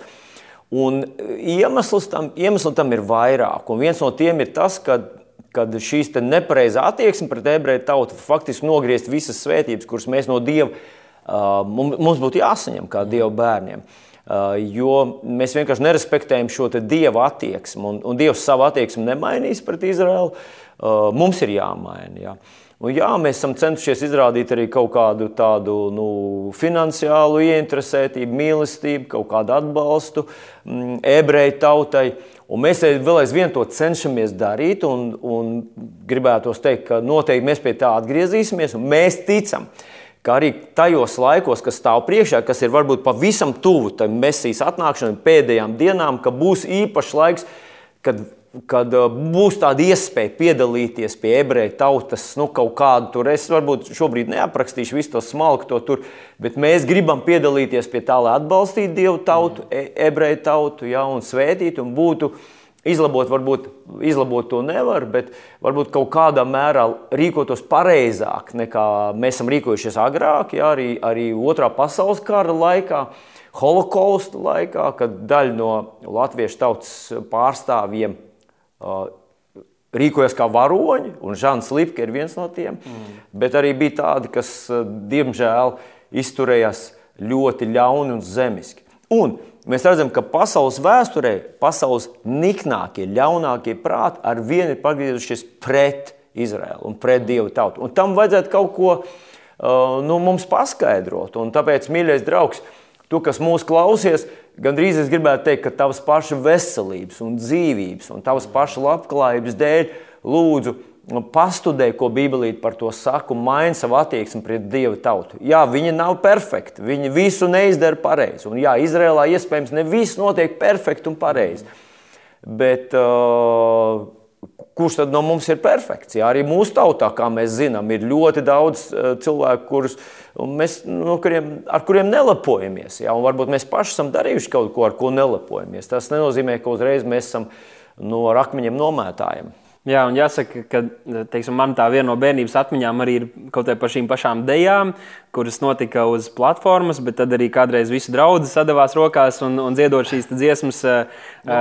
to, to darīja. Ja, varbūt es to redzu arī mazliet kā tādu rīku, kas palīdzēja mūsu draugiem arī kaut kādu veidu brīvību atnest šāda veida izpausmē. Jo, teiksim, ja tu aizej, aizbrauc uz Izraelu, tad es domāju, ka tas tomēr ir saglabājies, ka tur arī vīri ļoti brīvi var ņemt un dejot un, un, un, un, un, un, un darīt šādas lietas, kas savukārt Latvijā tas, protams, nedaudz apkaunojoši un visi tādi ļoti stīvi. Tad tas, ka šāda kustība ir bijusi un, un, un tagad varbūt tas mazliet ir ieņēmis mazliet citādāku veidolu, ne tik ļoti vairs uh, ebrejiskās idejas, kā kaut kas jau vairāk, kas ir arī Jā. mūsu pašu draudzes un kultūras identitāte. Tad uh, tas ir bijis par lielu svētību, ka mēs to darījām. Jā, nu, psalmi ir visi bijuši kādreiz ebreju dziesmu grāmati. Ja? Un, um, es domāju, ka tas ir absolūti normāli. Ja? Jā, ja tā drīkst izteikties, man gribas teikt, ka dziedot psalmus, un dziedot kaut kādas dziesmas ebreju valodā, ir kaut kāds īpašs tāds svaidījums, īpaša dieva labvēlība. Ja? Uh, un te es gribu teikt, ka tas ir, tas ir vēl aizvien paliekot tajā vidus, uh, pa vidu ja, tam ceļam, uh, ko mēs saucam par cieņu, mīlestību pret dievu tautu. Ja? Tomēr nenovirzoties nevienā, ne otrā galībā, uh, mēs mīlam, cienam, respektējam ebreju tautu. Un uh, tajā pašā laikā mēs ļoti augstu vērtē Mēsiju un glābēju, Kristu, mm. ja, un tos, kas viņam tic, viņam paklausa. Nu, tur nav pretrunu. Jā, nu tagad es gribētu, lai mēs parunājam arī par sabatu, kas uh, izpelnījās arī vairākus jautājumus, kas tika man atsūtīti pēc mūsu iepriekšējās epizodes. Um, Mēs zinām, ka mūsu kontekstā sabatu tur un svin tātad ir jūdi, adventisti, 7. dienas adventisti un arī mesijānisko kustību, mesijānisko Latvijā, mesijānisko, draugu eh, pārstāvi tiekas un pulcējas eh, sestdienā, kas ir sabata diena, un arī to svin. Mazliet varbūt par to, kādēļ tas ir aktuāli un kāpēc ik pa laikam tieši paceļās sarunas ne tik daudz par pašu bauslības turēšanu, kur mēs visi esam viensprātis, katram ir sava pieeja, kāda saka, varbūt Uh, mums ir jātur bauslība, lai mēs varētu būt glābti. Mēs sakām, mēs, mēs turam bauslību, jo mēs paklausām Dievam, Dieva mīlestība ir mūsos, jo mēs esam glābti. Tas ir līdzējoši saka tam, ka mēs varam to turēt, lai gan neviens nespēja pilnvērtīgi to turēt. Lai gan kaut vai pats pirmais bauslis no visas sirds, no visas spēka, ar visu, kas es mīlu Dievu, vai tev izdodas katru tavu dzīves mirkli, katru tavu dzīves minūti un stundu simtprocentīgi pildīt šo bausli. Varētu sākt ar šo pirmo.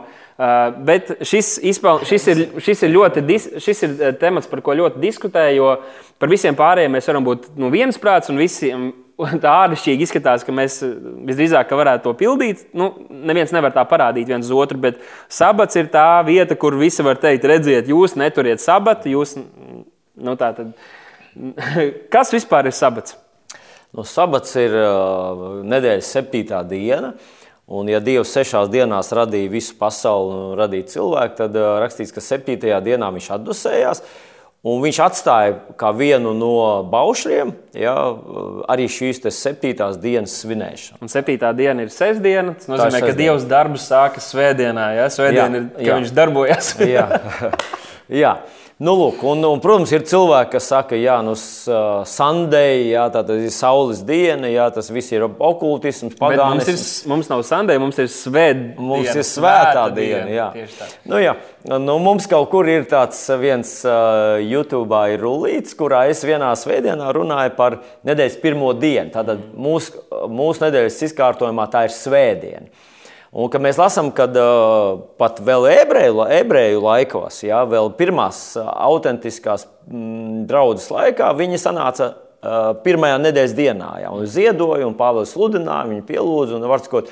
Dievkalpojumi tika noturēti nedēļas pirmajā dienā. Ja es cēlās augšā nedēļas pirmajā, tad es tur mazliet runāju par to nedēļas pirmo dienu un tā tālāk. Mm. Otrajā mūža grāmatā, 20. nodaļā, 8. pantā, mēs redzam, ka tas ir ceturtais bauslis, ko Dievs dod. Jā piemini sabata dienu, ka tu to svētī, gluži kā viņš ir. Un tad ir atsaukšanās uz šo radīšanas stāstu. Sešas dienas tev būs strādāt, padarīt visus savus darbus, bet septītā dienā ir sabats tam kungam, tavam dievam. Un tad ir rakstīts, tev nebūs darīt nekādus darbus, tev nebūs uh, nec tev, nec tavam tēvam, nec tavai meitai, nu, nec taviem lopiem.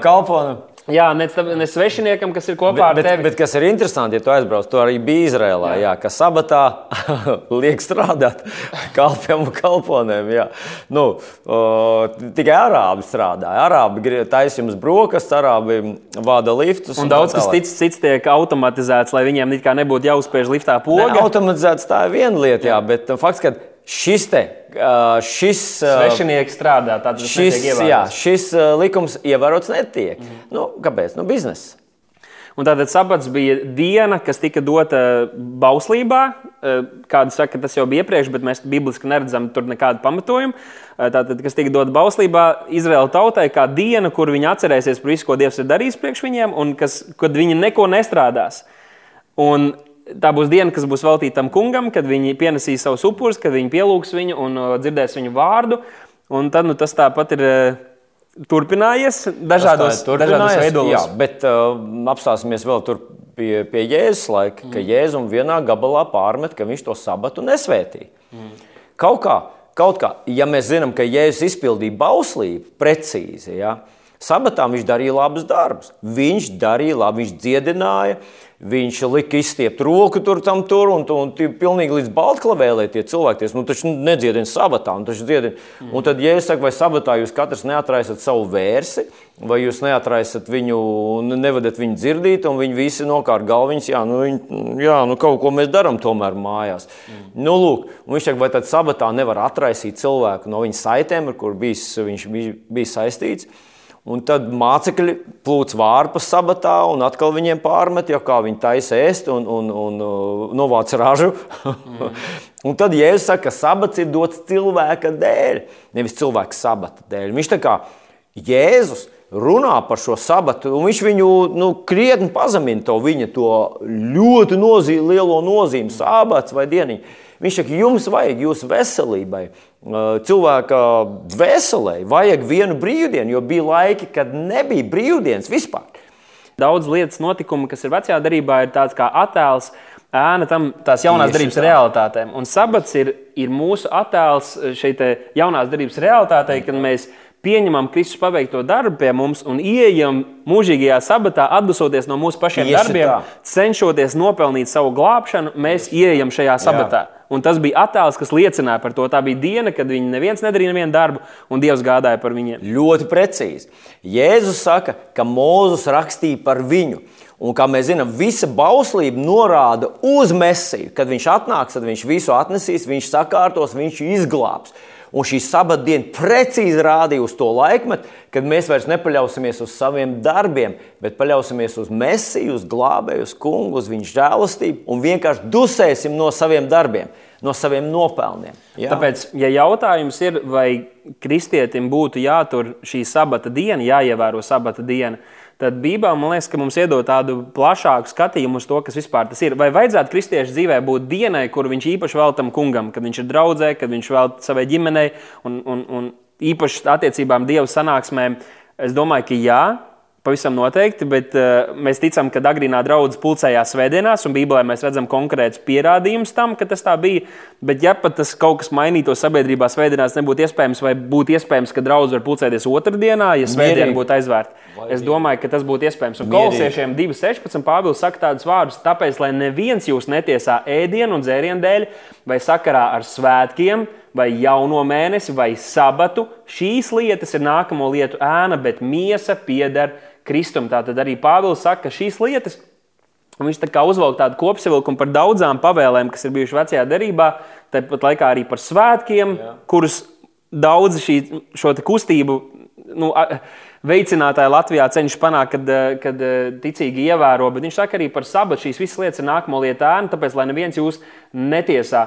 Eh, vēl mazliet atcaucoties, runājot nu, uz šo sarunu par sabatu, jāsaka, ka evaņģēlijos es papētīju, ir um, tikai dažas reizes, ir, man šķiet, ka div, evaņģēlijos dažreiz mēs redzam, ka tiek runāts par sabatu, bet tas drīzāk tiek runāts, lai parādītu par laiku, kontekstu, kurā kaut kas notiek, tā kā dienu pēc sabata vai tam līdzīgi, jo tā bija normāla nu, sastāvdaļa no, no tās kultūras, kurā Jēzus un arī, un arī mācekļi dzīvoja.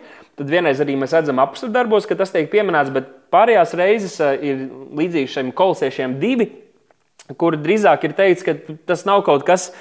Nu, kur mums tā kā strikti jāturās pie šīs jūdiskās sabata ievērošanas, bet drīzāk jādomā, un tad ir daudz raksturvietas, kas runā par šo ieiešanu atdusā, kas, kas, kas ir šis patiesais sabats, kurā mums uh, vajadzētu uh, būt un ieiet un, un to arī baudīt. Un, un tā kā ja mēs ņemam, runājot par desmit baušļiem, tad eh, es, es, es negribētu kļūdīties, bet cik es uh, esmu pētījis, uh, visi šie deviņi citi baušļi tiek jaunajā derībā citāti, tos citē Jēzus vai kādu no apstuļiem, un viņi tā kā tiek citāti un stiprināti un apstiprināti. Un tātad, ja pat mums nebūtu vecās derības, un mēs nevarētu ilsīt desmit baušas, ko Dievs dod Izraēla tautai, tad tomēr mēs zinām šīs pavēles, plus vēl tās citas, ko Dievs uh, ir runājis, ko Jēzus mācīja un teica šos te jaunos bauslību. Uh, bet šis ir vienīgais, kuram nav tāds stiprinājums. Un patiesībā mēs redzam, ka, nu, kā jau minēju, šo raksturvietu, un arī citas varētu minēt, kur, kurš drīzāk saka, ka tas ir tāds kā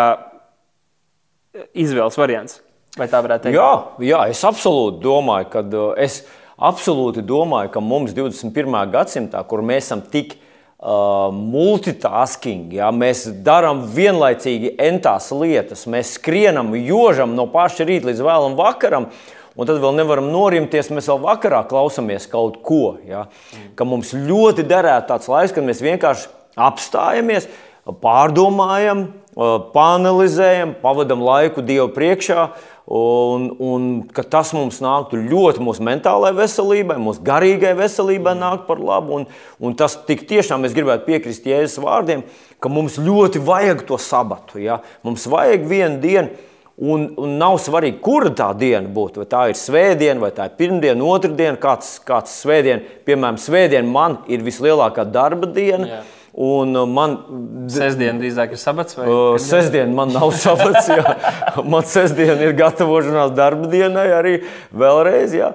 Bet, uh, Uh, varbūt pirmdiena ir tāda druskuļa tā tāda atslodzīta diena. Jā. Mm. jā.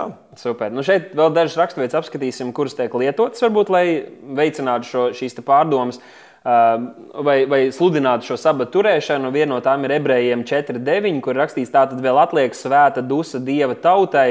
Ja nemaldos, tur iepriekš gan ir runāts saistībā ar Izraēlu tautu, bet šī svētā dusa, tur būtu krievu valodas tulkojumā lietots šis vārds subotstvo, kas atsaucās arī uz, uz sabatu. Bet, ja mēs paskatāmies tālāk, desmito pantu, tad tur ir rakstīts, jo kas ir iegājis viņa atdusā. Tieši tā. Un tur ir tieši runāts, tātad šis attēls, un tad ir šī realitāte, Kristu Jēzu iegājis viņa atdusā. Tas arī pats dusējies no saviem darbiem, kā Dievs no saviem. Uh, Tad arī ir uh, viens no argumentiem, kas tiek lietots pirmā mūža grāmatā, pirmā nodaļa, 14. pants, kur ir rakstīts, ka Dievs sacīja, lai top spīdekļi debesu vēlbē, lai šķirtu dienu no nakts un tie lai ir par zīmēm, un laikiem, un dienām un gadiem. Un tad viņi saka, teiksim, tieši šis laikiem ir runā par to, ka tas ir konkrēts laiks, kad cilvēki nāk un ir attiecībās ar Dievu. Tad ir kādi, kas pat saka, ka, kad Ādams un Ieva bija ēdienas dārzā, tad, lai gan mēs redzam, ka tur ir lietots šis vārds, kad kā ierasts Dievs nāk, lai būtu sadraudzībā ar viņiem, viņi saka, ka tas bija vienu reizi nedēļā. Eh, kāds, kā, kā, kāda būtu tava atbilde uz šādu te, kad jau pašā sākumā mēs redzam, ka Dievs iedibina vienu laiku, tad vienreiz nedēļā, kad ir īpašs laiks attiecībām ar Dievu? Man ļoti gribētos pieturēties pie tā principa, kuru Bībele mums stāsta, ka tu nevari eh, ka tu nevari balstīt kaut kādu lielu mācību uz vienu mazu pantiņu, kurš pie tam ir paņemts no kaut kādas tur rentās valodas. Eh, es esmu uh, savā garajā kristiešu dzīvē dzirdējis visneiedomājamākās versijas, kad cilvēks saka, o, tur tādā un tādā ebreju valodā, tur sakne ir tāda un tāda, un tur piedēklis tāds un tāds, un tas nozīmē īstenībā pavisam kaut ko citu nekā tas, kas ir uzrakstīts. Mm. Un šādi te teorētiski tādi, nu, tādas um, dreifs, tāds gandrīz vai tā kā improvizācijas, ja, kad cilvēks pieliek un faktiski saskat to, ko grib saskatīt. Kad, uh, nu, ka viņa Nu, tas nav pamats. Jā. Nu, ja būtu vēl desmit rakstu vietas, jā, jaunajā derībā, kur jēzus saka, bet sabatu turiet, jā, mīliet, kā viņš apkopo visu bauslību, viņš teica, mīli Dievu, mīli savu tuvāku. Un jaunajā darbā Jēzus mums tieši to pašu pavēl. Ja? Mīlēt uh, savu Dievu un, un mīlēt savu tuvāko. Ja? Ka tas ir tas, kas kvintessence, tas ir savilkts kopā visu bauslību. Bet, ja es teicu, nu vēl sabats būtu svarīgi, nu tad. Jā, un arī tad, kad Jēzus pārmet, ka viņš un viņa mācekļi neievēro sabatu, tad liekas, ka tā būtu bijusi laba iespēja, kad viņš varētu teikt, bet jūs jau nesaprotat, kas ir sabats. Sabats ir jāievēro tā un tā, un tas ir, tas ir svarīgi, bet viņš izstājās, ka neaizstāvēs. Ja, ja tam būtu tik būtiska loma, Tad Jēzum to vajadzēja apstiprināt, Pāvēlam to vajadzēja, Pēterim to vajadzēja apstiprināt, Jānim to vajadzēja apstiprināt un tā tālāk. Un uh, jāsaka, ka par šo pašu raksturvietu, 1. mūzika 1.14. jāsaka, ka jaunajā darbā arī mēs redzam atsauces to, un arī Jēzus man šķiet, ka runāja par to, ka jūs varēsiet gan no debesu ķermeņiem, gan arī uz notikumiem apkārt un laikiem, kuros jūs dzīvojat, spriest par to, kas, nu, kādā laikā jūs esat, un jums vajadzētu nebūt tādiem, kas jūs to visu neredzat un neievērojat, jo mēs nezinām tieši to stundu, kurā Jēzus atnāks, bet mēs varam saprast, kas notiek un spriest par to. Mēs jau mazliet par to runājām. Man šķiet, ka tas arī labi sajiet kopā ar to, ko Jēzus ir teicis. Un tad arī Iesejas grāmatā, tātad tur uh, pravietis Ieseja runā par jau šo jauno zemi, un tad viņš saka, no tā, uh, tātad, no, un tā jānotiek, ka visi ļaudis nāks katrā jaunā mēnesī. Un ik nedēļas sabatā man vajag priekšā Dievu pielūgt, saka tas kungs. Un viņi saka, lūk, tā tad jau pašā sākumā Dievs iedibināja sabatu, un arī pašā beigās jaunajā zemē vēl aizvien būs sabats reizes nedēļā, kad mēs īpaši varēsim baudīt Dievu klātbūtni. Dēls, es uzdrošināšos teikt, ka te neiet runa par jauno zemi, ka te iet runa par Mēsīs valdīšanas tūkstošu gadu miera valstību, kas vēl būs uz šīs pašas zemes. Mhm. Un ka tad, nu, vismaz cik, cik manas tās paviršās tās tūkstošgadu miervalstības zināšanas ir, ka Mēsija valdīs no Jeruzalemes, ja? Mēsija valdīs no, un tad reiz gadā visi sanāks tur un, un svinēs tos būdiņu svētkus. Ja? Kā tieši tas notiks? Es ne, ne, šobrīd ne, nevaru stādīties priekšā.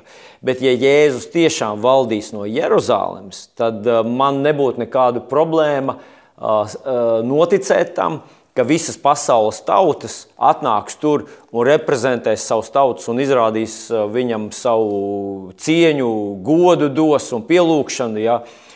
Visas zemes glābējam un visas pasaules radītājiem. Nu, labi, bet mums tagad ir ļoti liels jautājums. Nu? Un tas ir arī uh, temats, kas ir pacēlies pēdējo gadu laikā. Mēs zinām, ka ir uh, vairāk arī cilvēki, kas ir mūsu, mūsu uh, nu, draugu lokā, pa, paziņu lokā, kurus šis, šis temats ir ļoti, ļoti skārs, uzrunājis. Tas ir lielā mērā ietekmējis to, kā viņi turpina dzīvot šo kristiešu dzīvi, attiecības ar Dievu, un tas ir par uh, viņa vārdu viņa vārds. Un uh, te gan runa nav par dieva, uh, nu, dieva tēva vārdu, bet dēla vārdu.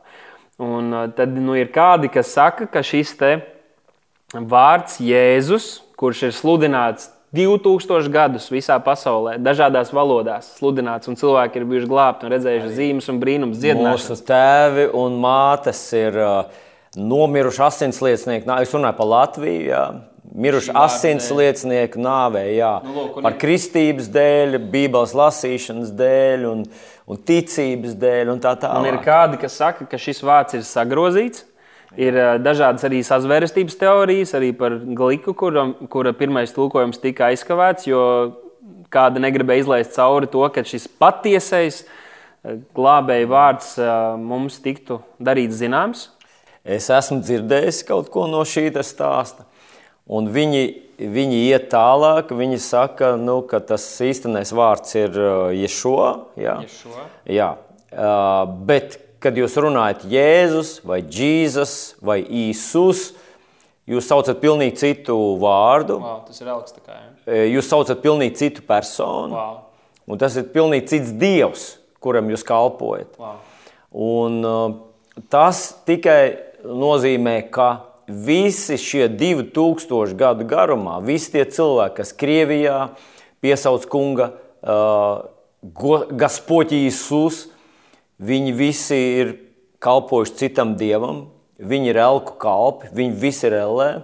Visi tie, kas Amerikā, visi tie, kas ir sludinājuši mm, mesiju, sludinājuši glābēju visās pagānu tautās, visā Āfrikā, visur, kur atbrauc misionāri, iemācījās vietējo valodu un sludināja viņiem glābēju un vienīgo uh, pestītāju un sauc viņu viņu valodā, ka visas pasaules 2000 gadu Uh, cilvēki, kas uzrunāja mesiju savā valodā, sauc viņu, kā mēs latvieši sakām, Jēzus, ka viņi visi ir īstenībā pielūguši vēlnu. Nu, jāpiebilst, ka, ir jāpiebilst, ka tā varbūt ir ļoti radikāla nostāja. Teiksim, ir sam, paga, samērīgākas ja kopienas. Patiesība. Redz, redz, ja tā ir patiesība, ja teiksim, tu esi Dāvids Latvijas, bet ja es te uzrunāju par Deividu, tad tas vairs neesi tu, tad tas ir kāds cits cilvēks. Un tad īstenībā es, nu, man nav attiecība ar tevi. Jā, man ir attiecība ar kaut kādu Deividu vai, vai, vai kādā citā. Tad, eh, ja tā ir patiesība, tad tas ir vienkārši. Uh, nu, es nezinu, tad, tad dievam vajadzēja pērkoņus un zibeņus, un vajadzēja, lai kāds atnāk un saka, nē, viņa vārds ir Nu, faktiski mums jāsaprot uh, par viņa patieso vārdu. Ja mēs runājam par, par teiksim, Jēzus māti un viņa krustāvu vai kā, kā, kā, kā, kā, kā patēvu. patēvu, tad uh, visdrīzāk viņi uh, Jēzu sauca vārdā Ješua, jo viņš bija ebrejs.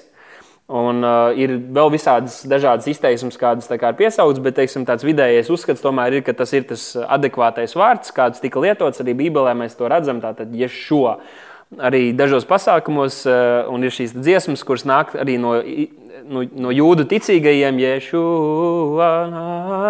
ļoti, ļoti skaisti. Ļoti Mums nav pilnīgi nekas pret šo vārdu. Kungs, Mēs izturamies ar augstāko jā. bību pret šo vārdu, ir kaut kas īpašs, ka tu vari dziedāt šajā valodā, ka tu, ka tu zini, ka tu vari piesaukt to vārdu, un arī pat ja lūkšanā tu gribi izteikt šo vārdu. Tas, tas nav nekas pats pats briesmīgākais. Bet jautājums... Nē, pagaid, pagaid, tas nav viss. Tas... Tas ir normāli. Jā, tas ir normāli. Mēs dziedam dziesmas, mums, kā mēs teicām, mūsu slavētāji savā laikā iemācījās diezgan daudz dziesmu ebreju valodā. Un, mēs ar tādu sajūsmu, un, un, un, ko es gribu teikt, ka ka tas ir tas pats gars, mums sirds gavilē, un, un, un no visas sirds mēs varam teikt Jēzus, mēs varam teikt Iešua, mēs varam teikt Īsus. Mm. Nu, nu, lingvistika nevar strādāt tādā, tādā līmenī, ja, ka tas pilnīgi pārsvītrot visus manus uh, ticības nu, pamatu. Jā, ir, ir, ir, tomēr ir netik radikāls arī šīs kopienas un kustības, kas saka, varbūt, ka uh, nav obligāti tā, ka uh, tu, esi, tu esi neglābts, bet tā ir tā saikne, tas ir tas patiesais vārds, kuru acīm redzot, kādi noteikti spēki ir gribējuši apslēpt un tā tālāk. Bet tad mums būtu jāvēršās pie, pie Bībeles un jāskatās, kāds būtu Bībeles viedoklis, ko Bībele par to saka. Mēs redzam apstuļus, mēs redzam apstuļus, kuri sludina Kristu.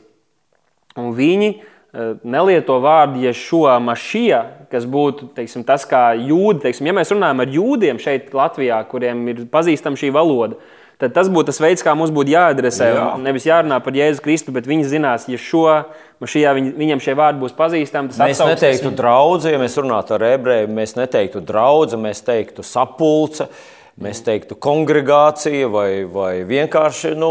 Bet apakstoļi mēs lasām, un mēs varam arī pārbaudīt šos oriģinālos vārdus, viņus, kādus viņi ir lietojuši, un viņi bez problēmām ir lietojuši šo grieķisko izteiksmes formu, kura nelīdzinās un nu, daļai līdzinās ja šo, un tad ir savs, es nezināšu precīzi to, to raksturot, bet viņiem nebija problēmas. Viņi nelika šīm draudzēm un nerakstīja šī draudzēm tieši šo vienīgo ebrejiskās. Eh, nu, valodas vārdu, viņi lietoja šo Jēzus. Jā.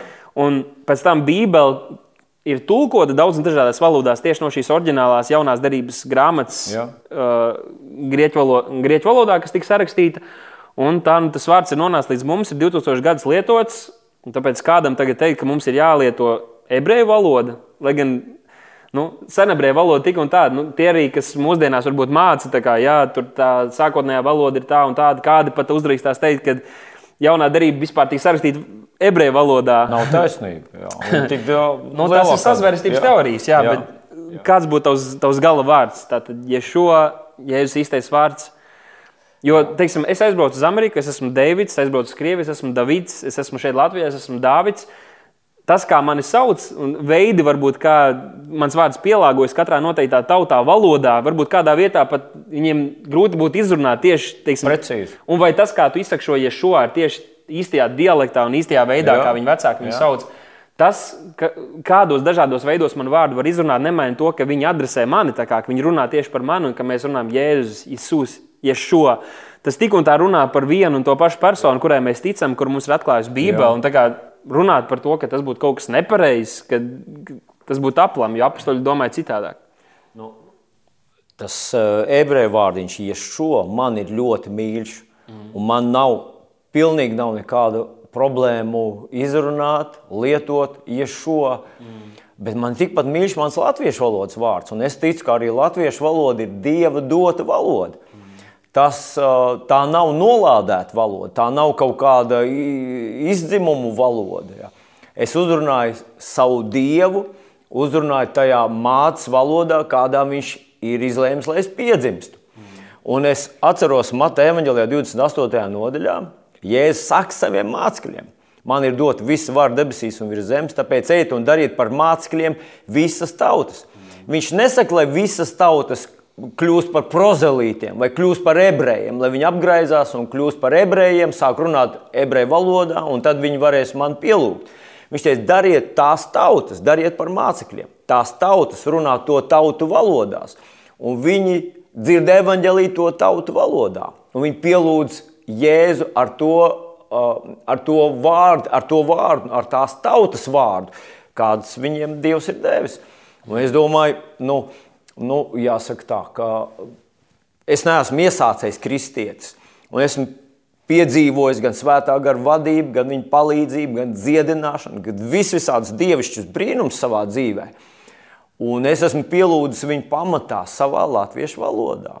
Esmu raudājis kādreiz, esmu sūdzējis savus grēkus, nožēlojis.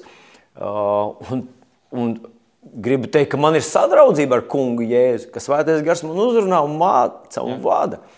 Tā kā es gandrīz gribētu teikt, ka es to esmu darījis un esmu pārbaudījis, jā, jā. ka tas darbojas. Bet jāsaka arī, ja, ja ir kādi, kas māca kādas uh, doktrīnas, kuras nevar skaidri parādīt Bībelē, jo Bībeles tic, ka tā ir viegli, sa, viegli saprotama, pamat patiesības ir viegli uztverams. Bībelē tās skaidri ir atklātas. Uh, Protams, ir dažādi tulkojumi, ir veiksmīgāki tulkojumi, mazāk veiksmīgāki tulkojumi. Un tomēr, ja kādam ir jālieto stāsti, tur līdzības, kaut kādas pasakas, jāvij ilgi, ilgi, lai tu varētu uztvert to, ko viņš tev cenšas pateikt par pamatlietām, kaut vai par šo pašu vārdu un tā precīzi, lietojumu, jā. vai kādas sazvērestības teorijas jāsludina, tad tev būtu jābūt ļoti uzmanīgam pirms tu tā vienkārši pieņem viņa teikto par patiesību, jo Bībele ir Dieva vārds, vai nu tic vai nē. Un, ja tas ir Dieva vārds, tad jātic, mums ir jātic, ka Dievs arī ir spējīgs to vārdu pasargāt un at, at, at, atvest līdz mums, lai mēs to varētu uztvert. Lai katrs vienkāršais cilvēks, tas bija tas, ko Mārtiņš Luters panāca.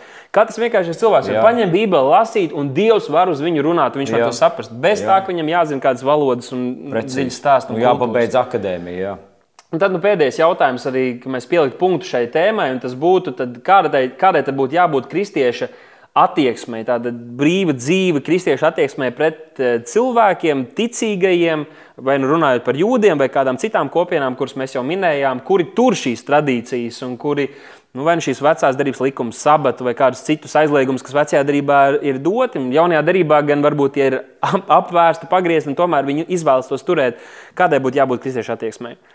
Nu, mēs izturamies pret visiem cilvēkiem, izturamies ar mīlestību un cieņu. Un, ja cilvēks tā tic, kā viņš grib ticēt, tad, protams, tā ir viņa izvēle. Mēs, nu, mēs tāpat izturamies ar cieņu un mīlestību. Mm. Tajā pašā laikā mēs redzam, ka apustulis Pāvils ļoti stingri iestājās pret to, ka ticības doktrīna tiek nu, atšķēdīta, ka viņi tiek samainīti, ka viņi tiek sagrozīti. Jā. Un viņš ļoti stingri pret to cīnījās.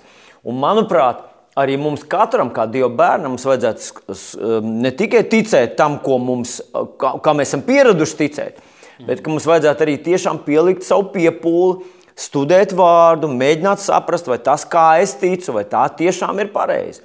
Pielikt piepūli. Un viena no tām ir arī um, Romiešiem 1,16, kur viņš saka, ka Eh, evanģēlijs ir Dieva spēks par pestīšanu ikvienam, kurš tic jūdam visu pirms, un arī grieķim. Un, eh, kad man bija saruna ar vienu no rabīniem, ļoti cienījumu cilvēku, es viņu cienu, mīlu, vērtēju viņu. Bet viņš man teica, lūdzu, tikai atstājiet mūsu bērnus. Eh, es teicu, ko jūs ar to domājat? Nē, neevanģelizējiet viņiem, nestāstiet viņiem. Nu, tagad man ir izvēle, vai man teiksim, aiz cieņas pret šo sirmo kungu, vai man uh, darīt tā, kā viņš saka, vai man darīt tā, kā Bībele saka, un ļaut tam cilvēkam dzirdēt evaņģēlīju par viņa paša mesiju. Un, protams, ka es cenšos tad runāt tā, lai viņam tas neradītu uzreiz pirmos aizspriedumus. Ja? Jo, jo ebreju vēsturē ir ļoti daudz, ko kristieši ir nodarījuši viņiem pāri, un tāpēc es varbūt nelietotu šos vārdus. Bet es gribētu viņam pastāstīt ja, par Mēsiju, par glābēju, par Jēzu Kristu. Un tieši tāpat. Jo glābšana vispirms ir jūdiem, un arī viņiem ir jādzird evanģēlijas. Viņiem ir jādzird evanģēlijas, jā. Bet tieši tāpat arī cilvēks, kurš teiksim, ļoti lepojas ar to, ka viņš tur sabatu, jā, ka viņš tur ievēro tur dažus baušus, un viņš tagad ir labāks. Es viņam censtos parādīt, jā, ka ja tu balsties bauslībā, tu kristies pazaudēsi. Izvēlies, pa kuru ceļu tu ej. Vai tu ej pa saviem bauslības darbiem, vai Jēzus Kristus. Tā, tās lietas nav, tās nav, nav savienojams kopā. Es viņam mēģinātu pateikt mīlestībā un ar cieņu, bet es saprotu, ka katrs tāds strīds par ticības lietām, ka viņš ir neproduktīvs. Un es mēģinātu lūgt svētajam garam, kungs, kā, kā es to varu izdarīt, kā es varu to izdarīt mīlestībā palīdzot tam cilvēkam, nevis izjaucot viņas pamatu viņa ticībai. Nu, tā kā. Jā. Un tajā pašā laikā mēs, nu, papildinot to, ko arī, ko, ko arī tu saki, Pāvils Romiešiem 14 saka, tāds interesants vārds, kur viņš runā mazliet nu, ļoti labi. Runājot par, par vājākajiem brāļiem, jo kādās vietās viņš saka, ka neviens ne, nelaupa jums jūsu brīvību. Un tā ir tā brīvība. Brīvība no šīs balstīs, brīvība no šīm kalpošanām brīvība ticēt un paļauties uz Kristu un dzīvot saskaņā ar viņu, un nedomājot, vai es drīkstu to ēst, vai es nedrīkstu to ēst, un tā tālāk. Vai tu esi to nopelnījis, vai nē, es nopelnīju? Jā, un šeit tātad romiešiem 14. pantā viņš saka, pieņemiet tos, kas ticībā vēl vāji. Un netiesājiet viņu domas, cits savā ticībā ēd visu, bet cits nav tik stiprs. Un redziet, kā viņš lieto šo vārdu stiprs un ēd tikai dārzaugus. Tas, kas ēd, lai nenicina to, kas nēd, bet tas, kas nēd, lai netiesā to, kas ēd visu. Tātad, lai nenicina, to, kas turās pie kādām šīm tradīcijām, bet tas, kurš kaut turās, lai netiesā, kā, ka viņš būtu labāks par to otru. Jo Dievs viņu ir pieņēmis, Dievs abus ir pieņēmis, ja tie patiešām uztic Kristum. Pat ar savām tradīcijām vai bez tām. Kas tu tāds esi, ka tu tiesā cita kalpu? Viņš saka, ka viņš stāv vai krīt savam kungam. Un viņš stāvēs, jo viņa kungs spēja viņu stiprināt. Viņš saka, dažs ievēro vienu, dienu vairāk par otru, dažs turpretī visas dienas tur vienādas. Ik viens, lai pilnīgi turas savā pārliecībā. Tad, ja cilvēkam ir tāda pārliecība, viņš var to darīt, un tev nav jā, jācenš viņu atrunāt no tā, ja viņš nebalsta savu taisnību savos darbos. Uh, Un tajā pašā laikā viņš saka, arī tiem cilvēkiem, ja ir kādi, kas mums māca, jums ir jātur, jūs nedarat pareizi, tad tur jau ir, ir, ir, ir, ir pārkāpta šī robeža. Kā, un, un, un Pāvils mūs pilnvaro runāt šīs patiesības un teikt, paklau, tu, tu jau pārkāp līniju, man ir brīvība Kristū, tu man nevari to laupīt un ļauj man to pateikt vispār, ko Bībele māca. Jā, bet uh, labs jautājums arī būtu tāds, kāpēc teiksim, viens ebreju rabīns, kurš ir pieņēmis mesiju Jēzu, kāpēc viņam ir tāda interese un kāpēc viņai ir tāda dedzība panākt, lai arī mēs no pagāniem nākušie Jēzum ticīgie cilvēki, lai mēs sāktu ievērot viņu, svinēt viņu svētkus un ievērot viņu o, tos nolikumus. Nu, vispirms viņam ir pārliecība, ka tā kā viņš dara, tā ir pareizi. Un cik arī tas varbūt neticami neizklausītos, mums visiem tāda ir. visiem mums liekas, ka tieši tā, kā mēs darām, tā ir pareizi. Un tāpēc mums ir tas, nu, tas līnijāls, tāpēc mums ir tas standarts, kuram mēs pielīdzinamies, un tas ir uzrakstītais vārds. Bet man liekas, zīmīgi ir atzīmēt kādu vienu interesantu lietu, ka apelsīns Pāvils Romiešiem 11. nodaļā saka, ka viņš uh, tur cieņā savu darbu, viņš ir pagāna apustulis. Mm. Viņš saka, ar nodomu mudināt uz sacensību arī kādus no saviem no maniem ciltsbrāļiem. Ja. Un sacensība, kā mēs visi zinām, ir Tas ir kaut kas tāds, ka tu kā, nu, vispirms tu dari labāko, ko tu vari izdarīt. Un kā nu, pat mūsu riteņbraucēji, jā, riteņbraucēji piedzīvoja to, kad, kad kāds, kurš brauc pa priekšu, jau pēkšņi negrib, ka tu te esi blakus, un viņš grib, lai tu kā, nu, nostājies aiz viņa. Un, uh, tāpēc, ka tu nepareizi, tu ne pēc noteikumiem, tu, tu ne tā, tu, tu ne īsti, ja, un tā tālāk. Dariet tā, kā es, tad, tad, tad būs pareizi. Un mums to vajag saprast. Tas vienkārši absolūti tāda cilvēciska, tāda nedaudz likšu egoistiska doma. Un es kādreiz pats sev esmu pieķēries, ka es aizbraucu pie uh, cilvēkiem, kuri tic tāpat kā es, bet viņiem drusku savādāks tas nu, leksikons, kā viņi lieto. Viņi apzīmē to pašu, bet lieto citu vārdu. Man liekas, nepareizi, tā kā es, jā, tā kā es to definēju, tā tas ir labāk un, un skaidrāk un tā tālāk. Nu, un mums to vajag vienkārši pieņemt, nu, ka tas tā būs, tas tā ir.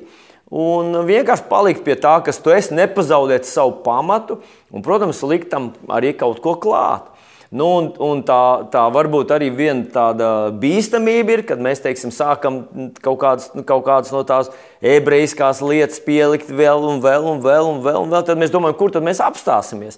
Un es esmu redzējis kādas draudzes, kas teiksim, sāk ar tādu cieņu, mīlestību pret ebreju tautu, bet lēnām virzās, virzās, virzās tajā, līdz viņi nonāk līdz ebreju svētkiem. Mums ir jāsvin tas būdiņu svētki, mums vajag tos svinēt, tie bibliski svētki, Dievs tos ir pavēlējis tur vecajā derībā, un tad viņi liek vēl kaut ko klāt. nu, līdz, līdz došanās uz, uz Izraēlu varbūt arī nu, gandrīz tādā svētceļojums, tas tiek saukts. Un, mm. un tā mums tas ir jādara, Dievs tā grib, un Dievam tas patīk. Un, Un es gribētu teikt, ka mēs uzņemamies kaut kādas nastas, kas absolūti mums nav pavēlētas. Un mēs jau drusku šodien pieminējām tās lietas, kas, mm. kas ir tas, tas standarts, Dieva standarts. Apostūļi saka, mums un svētajam garam tas ir Uh, neuzlikt neko vairāk. Jā. Vai tev gribas kaut ko vēl vairāk? Nu, tas, tas ir vienkārši cilvēcīga darbošanās. Jā.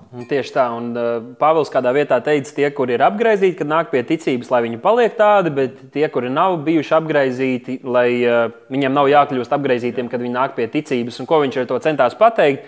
Ja kāds ir jūds, jūda ticīgais vai pēc, pēc, pēc savas etniskās piedarības ir jūds, ebrejs, tad uh, viņam nākot pie Kristus, tas ir viņa mesija. Viņš ir kļuvis par mesijānisko jūdu, viņš var palikt un lielā mērā tā ir turēšanās pie viņa saknēm, pie viņa kultūras, kas ir, kur, kur, kur, kuras ir noteikti viņa kristīgās ticības sakna, viņa identitāte. Un tajā pašā laikā Pāvils saka, nu, ja tu neesi apgriezīs, tad tu neesi jūds un tu nāc pie ticības, tad tev nav jāpieņem šīs lietas, tev nav jā, jātiek apgaizītam, nav jāpieņem šīs judaismu uh, doktrīnas, Jā. bet tu vari ticēt uz Kristu. Un, uh, tā mēs visi varam sadzīvot, viens otram neko nepārmet, viens otru netiesā un dzīvosim saskaņā ar to.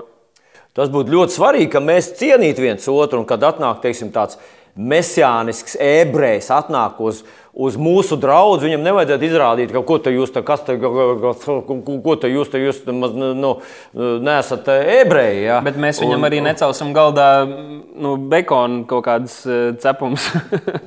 kas ir paradoks, kādreiz, kad tādā privātā sarunā tu parunā ar tādu bauslību sludinošu rabīnu, viņš saka, nē, nē, nē, es jau, nu, kas ir to es ēdu. Jā. Bet tad viņš iznāk uz katedras un sāk bīdīt, ja, ka vajag uh, ievērot baušus, un ka Dievs tā vispār teica, un tas veselīgi un labi, un, un, un Dievam patīk. Un tas, starp citu, ir tas, ko Pāvils arī pārmeta, ja nemaldos, uh, Pēterim. Pēterim kad Pēters uh, tur brīvi sēdēja kopā ar, ar nu, neebreju ticīgajiem droši vien ēda no viņu galda, un brīdī, kad ienāca viņam līdzīgi domājošie, tātad jūdi, tad viņš pārmetās no viņiem, un tad Pāvils teica, ne, tā ir liekulība, Jā. tā mums nevajadzētu dzīvot. Jā. Man liekas, ja, apustuļi, Jā. ja apustuļiem ar to bija cīņa, tad ir saprotams, ka arī mūsdienās kādiem ticīgajiem un īpaši tiem, kurš sludina šīs lietas, tā var būt cīņa. Bet Mums jātiek brīviem no tā un jāuztic Kristum un visas šīs tradīcijas un kultūras. Tas ir skaisti, tas ir labi, tas ir eh, varbūt arī bagātinoši dvēselītei un tāpat laikā tīri paļāvība un ticība uz Kristu ir vienīgā, kas glābj. Un es gribētu pateikties Dievam, un es gribētu iedrošināt tevi, dārgais uh, klausītāj vai skatītāj. Dievs tev ir licis piedzimt par latviešu. Ja? Nu, ja tu esi piedzimis kādā citā tautā, Tā ir Dieva izvēle, tā ir Dieva dāvana. Mēs par to varam pateikties. Varam pateikties, ka varam pielūgt viņu savā mācības valodā, ka mums ir evanģēlijs, kur mēs varam lasīt savā mācības valodā, ka Dievs saprot mūsu valodu, un uh, ka mums ir visiem kopēji viena valoda, tā ir svētā gara valoda, ja, kas būs eņģeļa valoda, debesu valoda. Un tajā mēs visi runāsim, kad nonāksim tur. Tā kā uh, justies, ka tu esi sliktāks, tāpēc ka neesi ebrejs. Interesanti, kad es biju pēdējo reizi Izrēlā, es biju mesijāniskā draudzē, un tur ar, ar, ar daudziem ebreju ticīgiem mēs runājām. Tad viņi uz maniem skatījās ar tādu, un viņi burtiski izteica tādu, tādu frāzi. Ka jums gan ir labi, pagāni, ticīgajiem. Ja? Nu, mums tomēr ir tas, tas, tā nasta ir tik smaga, ja? un tas bauslības, tas jūgs, ar kuru mūsu masē uh, ir tik nepanesams. Mēs jau zināmā mērā apskaužam. Un man tas tā kā, tā kā augsta duša, jo es domāju, nu jā, es jau, es jau neesmu ebrejs, es gribētu būt ebrejs. Paldies Dievam, ka tu esi tas, kas tu esi. Baudi to, pateicies Dievam, un meklē viņu vaigu, un viss būs labi, jā, jo tas kungs tevi mīl. Super, paldies par sarunu. Man bija ļoti interesanti un arī vērtīgi. Es ceru, ka arī jums atgādinu, ka ielieciet šai, šim podkāstam šai epizodei laiku, patīk, iekomentējiet kaut ko, padalieties ar to, kļūstiet par abonētājiem arī šim kanālam, lai mums ir vieglāk jūs nākamreiz aizsniegt, kad arī nākamā epizode būs gaisā. Jā, padodiet ziņu, vai jūs piekrītat vai nepiekrītat, kas jūs uzrunāja, par kādām tēmām vēl mums vajadzētu runāt, kas ir aktuāls jums un jūsu draugu lokā. Un tiekamies jau nākamajā reizē. Paldies vēlreiz tev! Tas bija ļoti, ļoti vērtīgi un padalieties ar šo video ar saviem draugiem.